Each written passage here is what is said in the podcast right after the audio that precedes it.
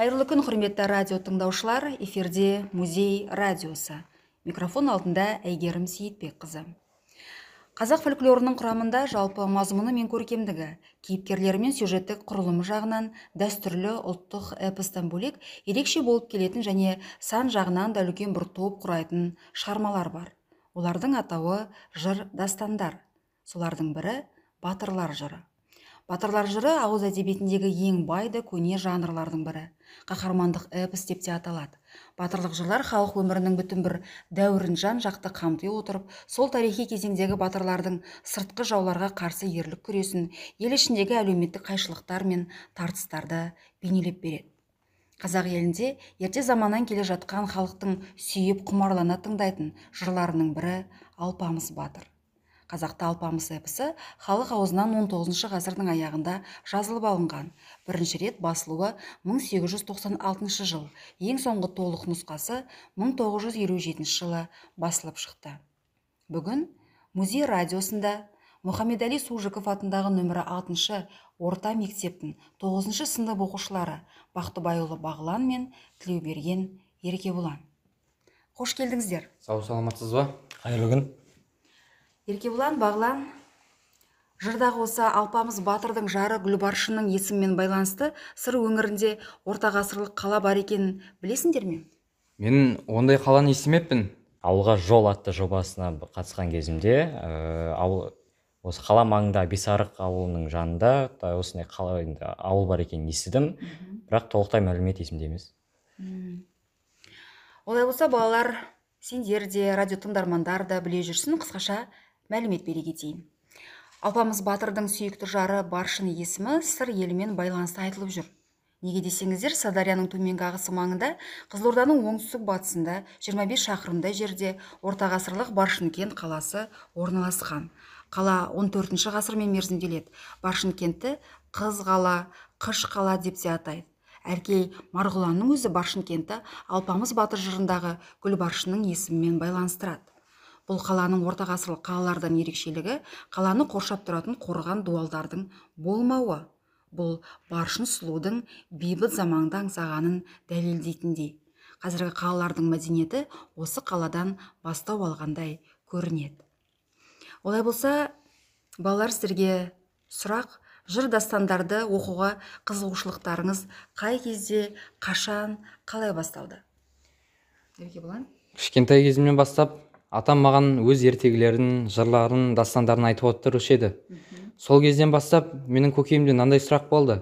Егер де мен ата бабамның тарихын ерліктерін білсем нағыз қазақ болмаймын ба деген?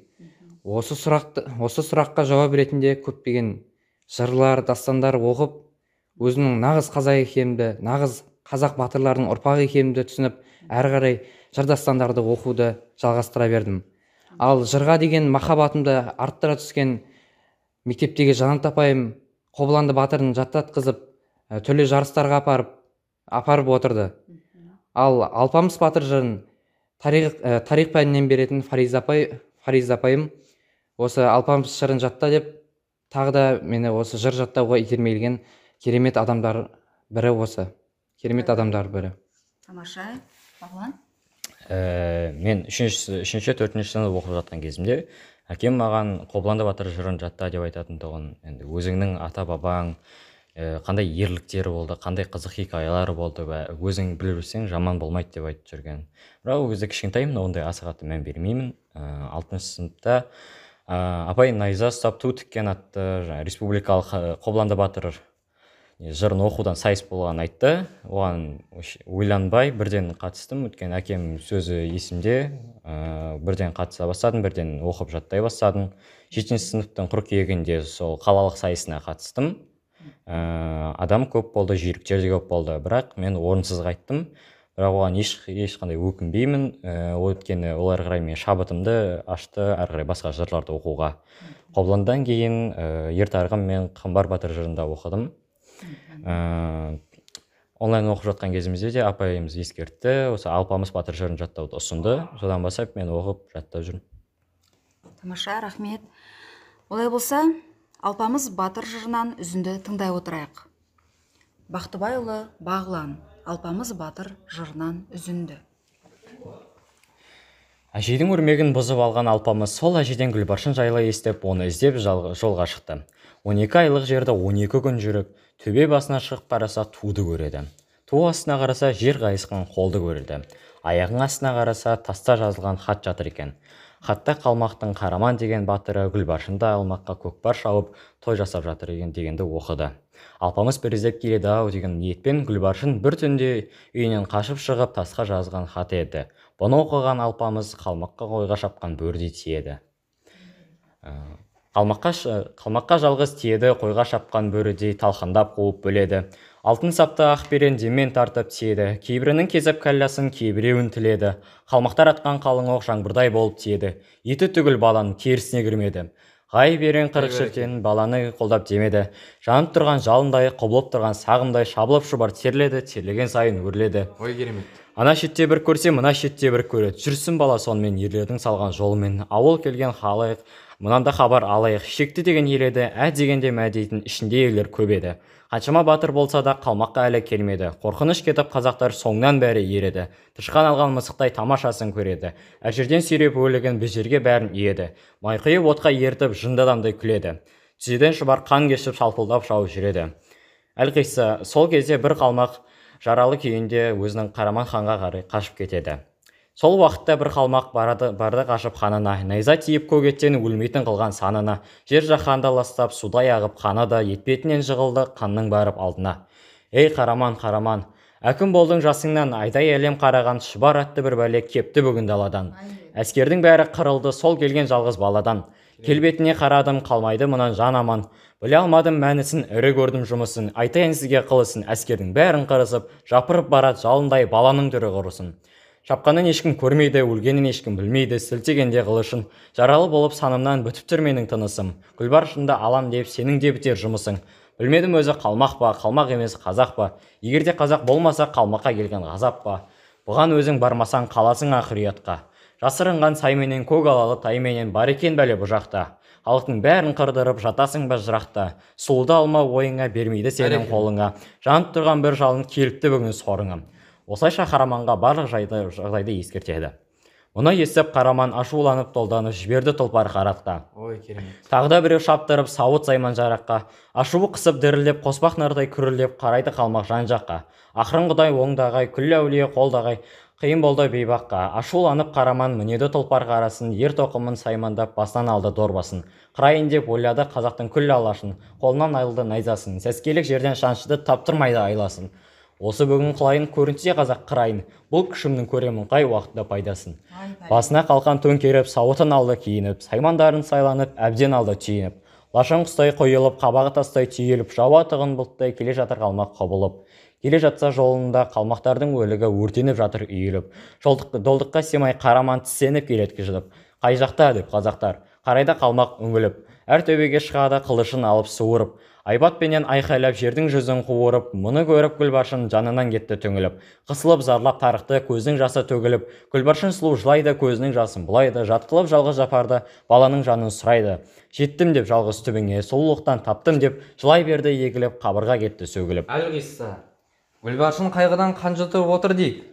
Ал мен алпамыстың қойға шапқан бөрідей қалмаққа тиіп жатқанын естіген қараманның жайынан хабар берейін жетіп келді қараман алпамыстың қасына қолындағы күрзімен кетті салып басына. Осырған күрзіге құлар еді шапқанда қойқаптың тауы тасыды. Атының жалы сел болды көзінің аққан жасына ұстайтын еді қараман сәл тұрғанда қасында.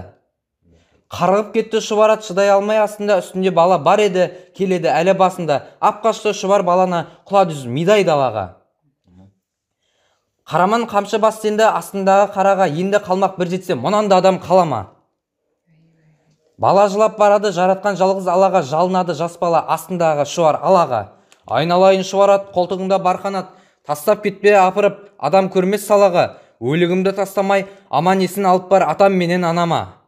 Мүй шықпас басыңа ең жоқ өзің барғанда барғаныңда не дейсің? Жеделі байсын қалаға. Мұны естіп қараман салып кетті қамшымен қара тұлпар санына қамшы үстіне қамшы ұрды бір жетсе деп балаға.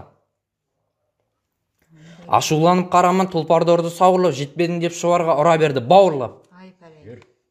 Жаман атқыр ит қарат келемеде бауырлап шабысқанда айыбы жоқ келеді желдей зуылдап. Жеткізбейді шұбарат атқан оқтай зырылдап құйындай ұшып шабады жал құйрығы суылдап. Үстінде бала барады бос торғайдай шырылдап. Әлқисса алпамыс қараман жеткізбей қараманды жеткізбей құйындай шауып бара жатқанда қараман жете алмайтынын біліп сауыт сайман қару жарағын біртіндеп тастай береді. Оның мақсаты астындағы қара тұлпардың жүгін жеңілдетіп шұбаратқа жетіп алу еді. Әлқисса қа- қара тұлпар санына қаншама қамшы ұрса да аяғын өре бастады шабысқа шабыс қоспады ауырлап келе жатыр деп сауыт сайман жарағын әр жерге қалмақ тастады. Жеңілденіп алды да енді шап деп қыстады жарақтың бәрін тастатып бір іске құдай бастады.